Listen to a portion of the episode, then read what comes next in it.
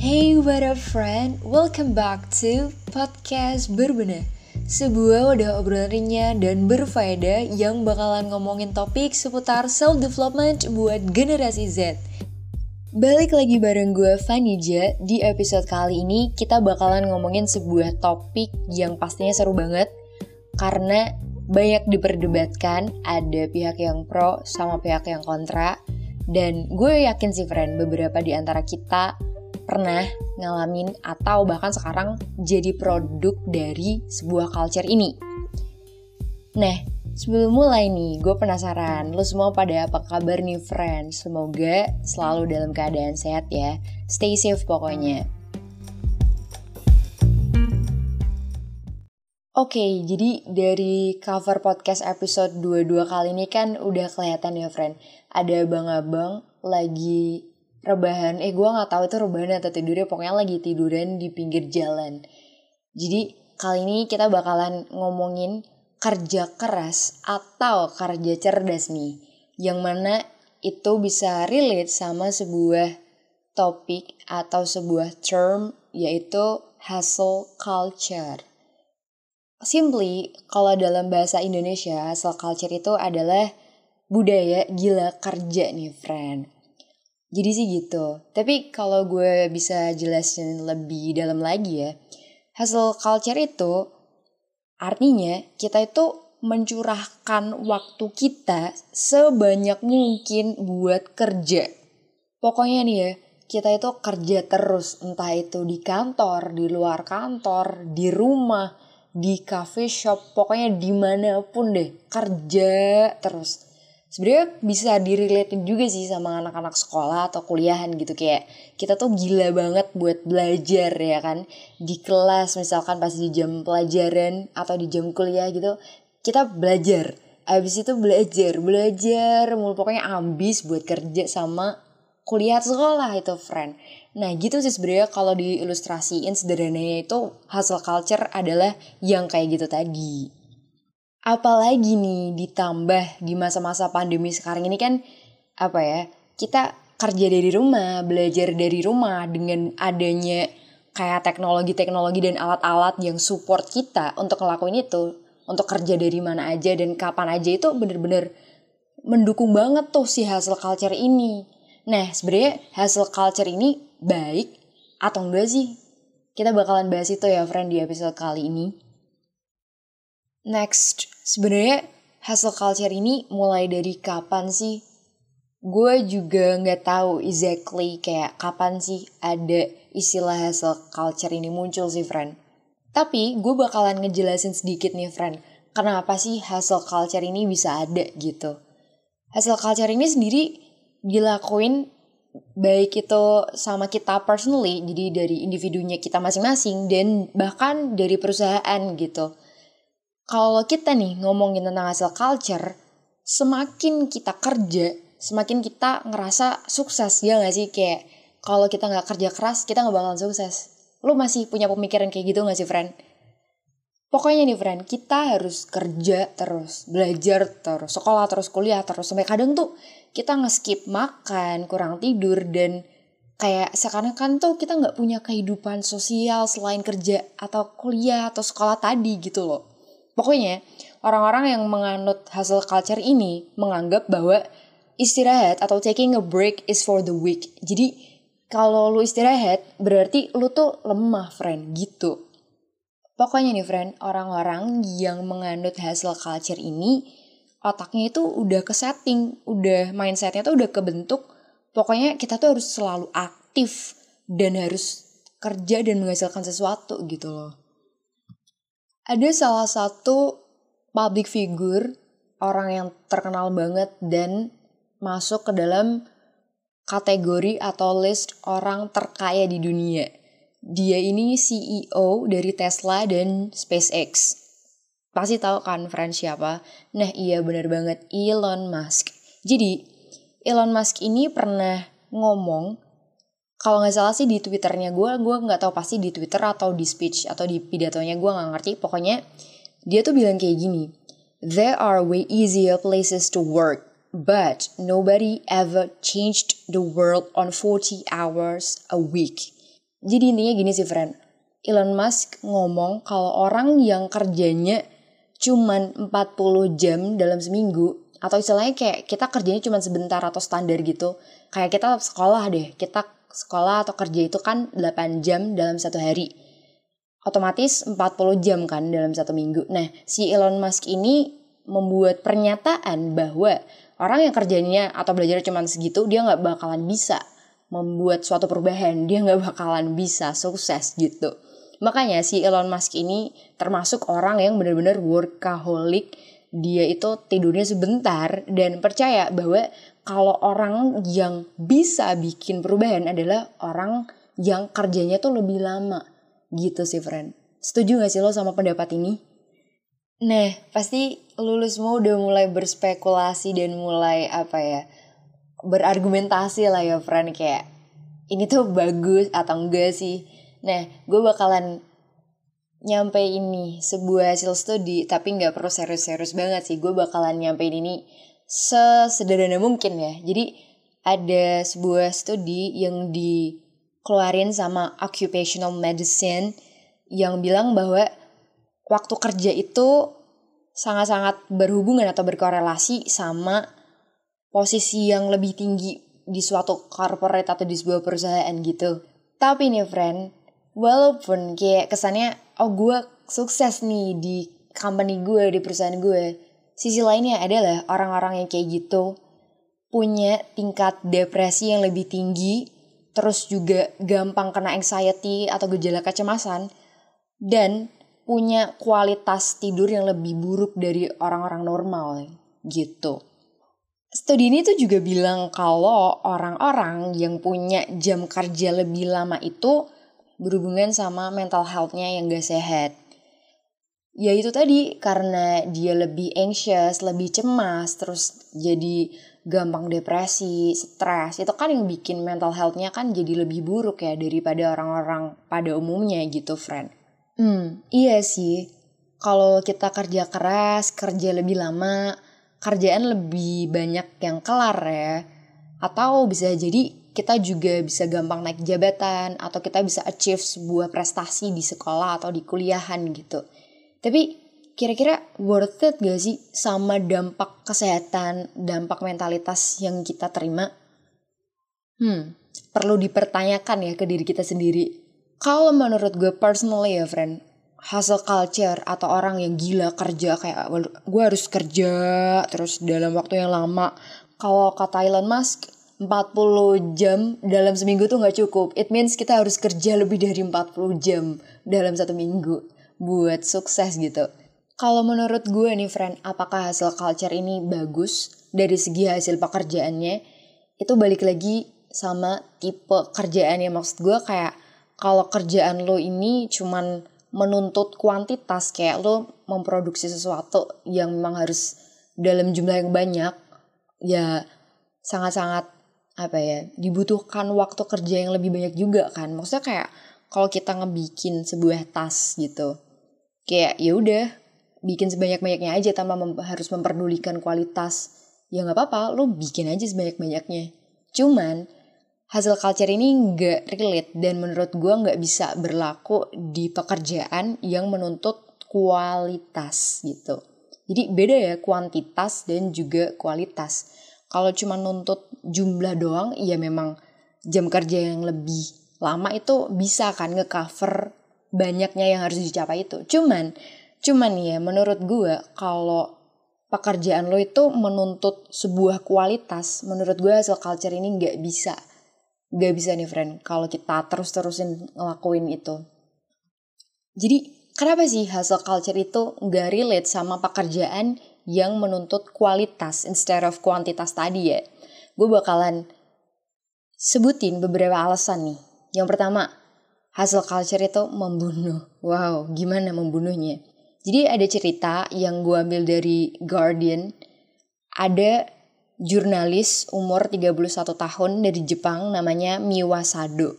Dia itu overworking gitu. Dia kerja terlalu lama, berlebihan hingga akhirnya si Miwa Sado ini meninggal dunia.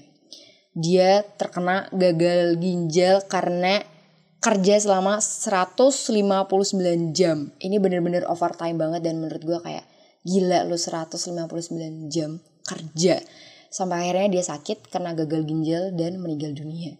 It's very tragic actually like kayak kenapa sih kita harus dipaksa untuk kerja selama mungkin nah ini sih friend yang perlu ditanyain ke diri kita sendiri apakah perlu kerja overtime terus juga ngepaksa diri kita untuk selalu kerja selalu belajar di mana-mana. Nah ini sih. Kenapa hasil culture itu membunuh? Ya karena itu tadi ngaruh sama kesehatan mental kita.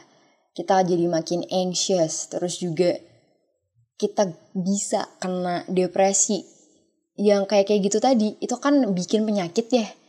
Nah kalau keterusan tadi ya possible juga sih bisa menyebabkan kematian. Itu alasan yang pertama terus yang kedua nih hasil culture itu nggak produktif sama sekali jadi kita kerja kerja kerja terus apakah bisa ngewujudin apa yang kita pengen. Misalkan kita dapat kerjaan untuk ngebikin project ini. Kalau kita kerja-kerja-kerja terus, apakah bisa tercapai? Bisa iya, bisa enggak sih. Tapi kalau balik lagi ya, di poin pertama, hasil culture, overtime working, itu bisa menyebabkan kualitas mental kita itu jadi menurun, kita jadi bisa kena anxiety, depression. Nah, apakah bisa kualitas kerja yang bagus itu dicapai oleh orang-orang yang kena mental illness? Lo bisa jawab sendiri ya friend pastinya. Karena ada sebuah studi lagi yang mengatakan bahwa orang-orang yang bekerja dengan waktu yang lama itu bisa ngeganggu produktivitas dan juga kreativitasnya. Padahal kan kreativitas dan produktivitas dalam sebuah pekerjaan itu kan penting banget. Jadi hasil culture itu sama sekali nggak produktif sih friend. Dan alasan yang ketiga nih friend, hasil culture itu menipu. Karena gimana ya misalkan kita kerja lembur overtime iya sih kadang di beberapa company itu kita dikasih insentif kayak uang lembur gitu tapi kira-kira worth it gak sih uang lembur itu sama kesehatan mental kita misalkan kita jadi kena anxiety, depresi, segala macam. Apakah worth it uang lembur itu tadi? Ya, yeah, some people said like money can buy happiness. Tapi balik lagi ya, ini sangat-sangat relatif. Kalau gue sendiri kayak gak bisa sih jujur kayak kestabilan mental itu penting banget kesehatan mental itu penting banget buat gue jadi apakah worth it nah itu sih yang kadang hasil culture ini juga bisa menipu cuman ya balik lagi ini tuh bener-bener sangat-sangat apa ya pro dan kontra sangat-sangat relatif gitu. Kalau beberapa orang masih berpikiran bahwa iya kalau gue kerja keras tuh gue bisa seneng gitu. Nah balik lagi kan ke masing-masing orangnya kayak gimana. Cuman alasan ketiga kenapa kita sebisa mungkin menghindari hasil culture ya karena itu tadi menipu. Iya sih duit lo banyak, jabatan lo tinggi, tapi worth it gak sih sama kesehatan lo, kondisi jiwa kita. Kalau kita cuman kerja kerja kerja, tapi kita nggak punya kualitas hidup yang baik, kita nggak bisa maintain hubungan dengan keluarga, teman-teman kita, pasangan kita. Apakah lo bahagia? Nah itu sih friend. Nah, kita kan sekarang udah tahu ya friend, apa itu hasil culture, kerja keras, orang-orang workaholic dan mendewakan pekerjaan atau belajar terus pokoknya ambis gitu lah ya, gampangnya tuh ambis gitu. Ada orang-orang yang pro sama Elon Musk gitu, jadi kayak gue harus kerja terus kerja selama mungkin. Tapi ada sisi lain yang bilang juga kalau kita tuh nggak harus kerja lebih lama, tapi kerjalah dengan efektif dan efisien gitu. Kita bisa tetap ngelakuin banyak kerjaan dalam waktu yang lebih singkat. Nah, gue bakalan kasih ini friend beberapa tips and tricks gimana sih caranya kita kerja cerdas instead of kerja keras sesuai judul di episode kali ini ya. Jadi kan kita pasti pernah lah dengar istilah kayak work smart gitu ya daripada work hard gitu. Nah, Kali ini gue bakalan kasih beberapa tips and tricks nih. Yang pertama itu tadi ya work smart gitu. Balik lagi ke masing-masing orang gimana caranya kita bekerja atau belajar secara cerdas gitu. Iya dengan menemukan langkah-langkah yang efektif gitu. Jujur kalau gue personally ya kenapa gue kadang harus overtime, harus lembur, harus begadang untuk ngerjain suatu hal karena jujur dalam proses pengerjaannya nih gue itu belum efektif dan efisien ya kadang gue sambil mainan HP lah milih lagu di Spotify yang kadang kayak gue bingung aduh gue mau dengerin lagu apa? Padahal gue sendiri tuh punya banyak playlist tapi kadang masih bingung mau dengerin lagu apa. Ngecek sosial media. Nah itu tadi distraksi-distraksi tadi yang kadang bikin kita jadi nggak fokus sama kerjaan dan hasilnya yang nggak efektif dan efisien. Itu tadi friend. Nah gitu sih. Kita harus bisa work smart dengan ngebikin cara-cara gimana sih kita bisa kerja atau belajar dengan efektif gitu. Cerdas ya, bukan keras gitu loh friend. Dan dampaknya tuh bisa banyak banget ya. Kualitas kerja juga jadi lebih baik dalam waktu lebih singkat. Kita jadi punya banyak waktu untuk istirahat. Terus kalau dari perusahaan sendiri nggak perlu bayar uang overtime tadi kan? Karena ya udah kita kerja dalam waktu lebih singkat dengan hasilnya sama. Itu sih friend formula yang perlu dipikirin bareng-bareng gimana sih caranya Ininya kita harus bisa kerja dengan cerdas ya friend. Jujur ya friend, gue personally juga masih belajar dan masih mencari tahu gimana sih caranya gue kerja, belajar atau ngerjain apa pun itu secara efektif dan efisien dalam waktu yang lebih singkat dan hasilnya juga lebih baik. Nah itu sih yang perlu kita gali di diri kita masing-masing karena kan balik lagi ya setiap orang kan beda-beda gitu loh gimana cara untuk mengefisiensi pekerjaan yang dilakukan jadi itu sih penting banget ya. Jadi ini friend, overwork atau kerja terus dalam durasi yang lama itu bukanlah batu loncatan buat mencapai kesuksesan, tapi efisiensi yang bisa mencapai kesuksesan. Gitu ya. Work smart instead of work hard. Oke, okay, kita move ke cara kedua ya friend, yaitu dengan ngelakuin work-life balance. Kadang work-life balance itu adalah sebuah mitos yang kayaknya susah banget untuk dimiliki ada juga istilah work life harmony. Jadi gimana sih caranya kita apa ya harmoni tuh mengharmonisasi ini ya kayak mengharmonikan hidup kita gitu di antara kerja atau kuliah sekolah dengan kehidupan sehari-hari kita hubungin kita dengan orang-orang di sekitar kita dengan hobi dan lain sebagainya. Jadi daripada kita kerja mulu belajar mulu coba deh kita menerapkan yang namanya work life balance gitu. Karena nih friend kalau kita kerja terus menerus itu bikin kita malah jadi quote unquote sorry to say jadi bodoh. Dan monoton alias ngebosenin. Jadi lu pernah gak sih friend ngerasain kayak creative block terus stuck dalam ngerjain sesuatu? Itu bisa jadi karena lu tuh keseringan kerja dan kurang refreshing gitu. Nah untuk bisa menerapkan work life balance itu coba deh. Coba ambil waktu dalam 24 jam lo untuk istirahat. Habisin waktu bareng keluarga lo, sama teman-teman lo, ngelakuin hobi lo gitu. Hangout ke mana gitu. Itu bener-bener cara yang bisa kita lakuin sih. Supaya kehidupan kita tuh balance gitu loh. Kalau gue ya friend, udah mulai sedikit demi sedikit menerapkan ke diri gue kayak Fanny, lo harus istirahat, lo harus ambil jeda. Gak boleh kerja terus, kuliah terus tuh jangan gitu kayak ya lo nggak harus serius-serius mulu kan setiap hari setiap waktu enggak. Jadi kalau biasanya nih gue habis kerja gue biasanya kayak take a break terus gue coba untuk workout gue olahraga gue ngedance lah segala macam dari lagu biar gue bisa recharge otak gue gitu. Analogi simpelnya sih gini nih friend kita kan punya HP atau laptop atau kayak electronic devices lainnya yang mana itu kita charge terus kan tiap hari biar apa dayanya ada biar bisa tetap nyala terus kan. Ya sama kayak manusia gitu. Kita perlu di charge juga energinya biar nggak lowbat biar nggak mati ya kan. Nah makanya itu penting banget sih buat refreshing buat take a break buat nggak megang kerjaan atau belajar terus. Itu itu penting banget. Terus gue juga biasanya kayak nyempetin waktu buat bercanda-bercanda bareng adik gue Atau nonton video-video komedi di Youtube kayak kontennya Majelis Lucu Indonesia atau dengerin podcast-podcast komedi yang kayak bisa ngebus apa ya diri gue gitu loh sama hal-hal yang santai menyenangkan ngeliatin memes di Twitter lah segala macem. Ya biar kita bahagia jangan ya intinya biar kita bahagia gitu loh. Jangan serius-serius mulu deh lo gitu sih. Karena nih kalau kita habis apa ya liburan atau sesi mal istirahat lo ngerasa gak sih friend kayak kita tuh jadi lebih kreatif kayak kita bisa ngeluarin ide-ide cemerlang gitu. Nah itu sih penting banget gitu. Jadi kreativitas itu bisa ngebus kerjaan kita juga kan dan itu bakalan berdampak ke diri kita, perusahaan kita atau sama pendidikan kita juga. Nah, itu pentingnya work life balance, friend. Oke, okay, cara yang bisa kita lakuin, cara yang terakhir adalah dengan mulai coba pelan-pelan untuk mengubah mindset kita, mengubah cara kita memandang sesuatu.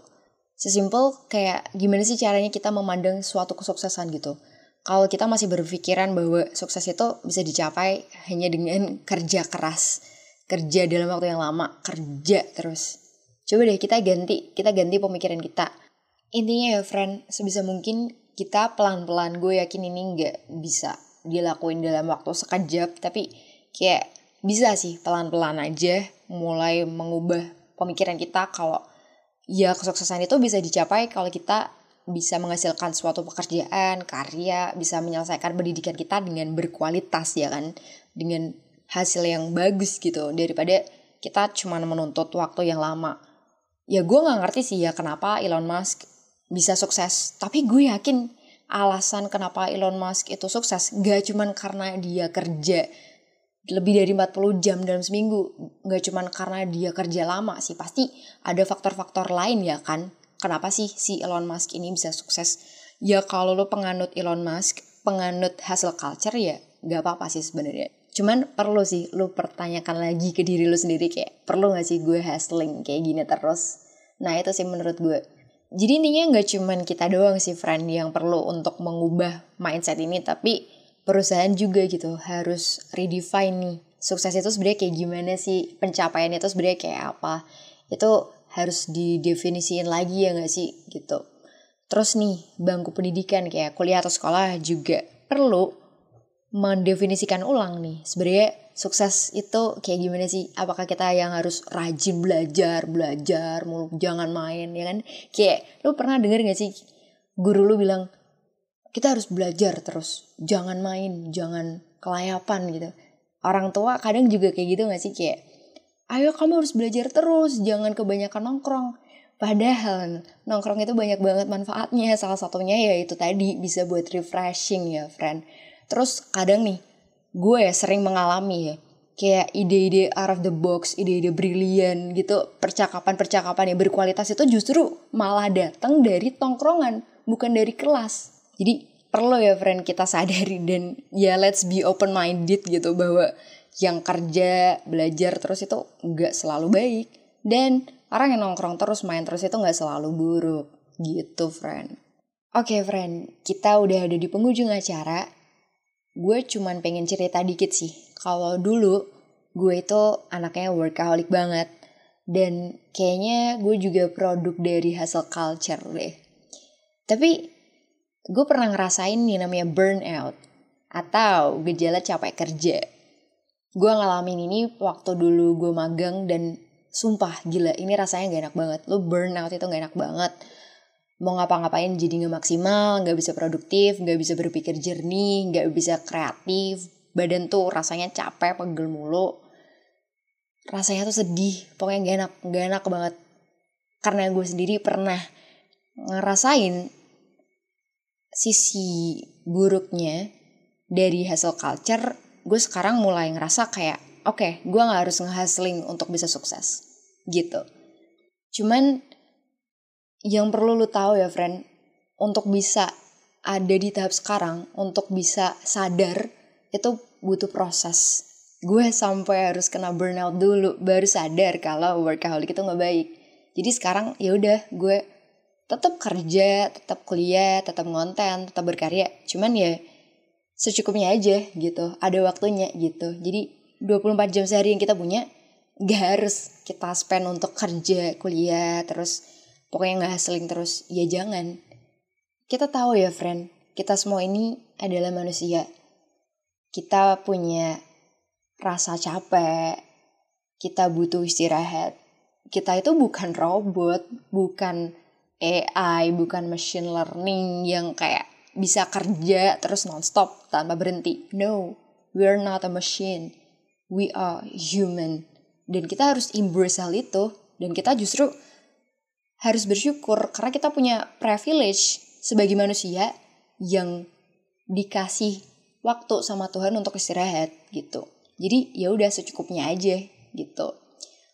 Kalau gue sedikit ngomongin tentang agama ya, karena di agama gue sendiri personally itu dalam satu hari waktu itu udah dibagi-bagi.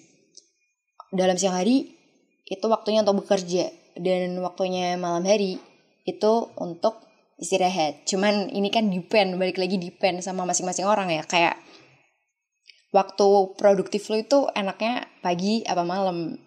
Ini nggak harus sih, maksudnya kayak ya lo nggak harus kalau dalam daylight gitu pagi siang lo kerja malam harus istirahat. Enggak cuman intinya yang pengen gue sampaikan adalah kita tetap butuh istirahat gitu. Dan jangan terlalu ngeforsir diri lo karena balik lagi yang kena tuh lo gitu yang kena dampaknya tuh lo gitu lo friend. Gitu sih.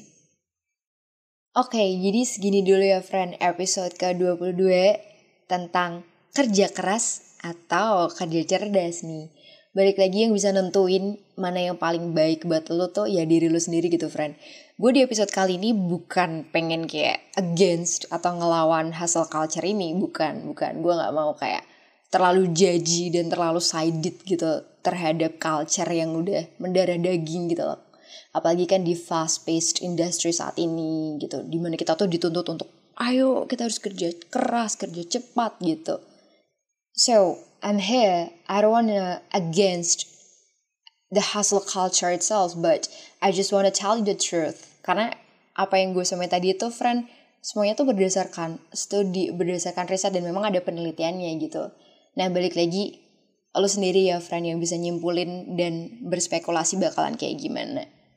Dan semoga apa yang gue sampaikan tadi bisa berguna ya buat kita semua.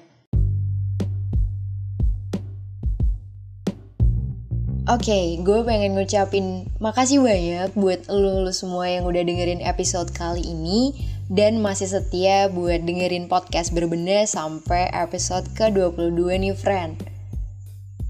Kalau lo ngerasa episode kali ini menarik dan berguna, sabi banget nih buat share ke teman-teman atau keluarga lo atau ke pacar lo atau siapa pun itulah dan bisa banget dong buat share ke instastories jangan lupa ya buat mention at podcast berbenah dan gak ketinggalan, gue pengen bilang makasih juga buat dua temen gue yang kebetulan namanya juga sama, yaitu Dika dan Dika yang udah ngasih saran buat judul di episode kali ini dan kasih fotonya buat gue jadiin cover atau artwork di episode kali ini nih friend. And as always, buat yang belum follow podcast berbenah di Spotify atau subscribe di aplikasi layanan streaming podcast lainnya, langsung aja tuh klik button follow atau subscribe biar nggak ketinggalan episode terbarunya dari podcast berbenah, friend. Gue Vanija, sampai ketemu di episode selanjutnya. Dadah!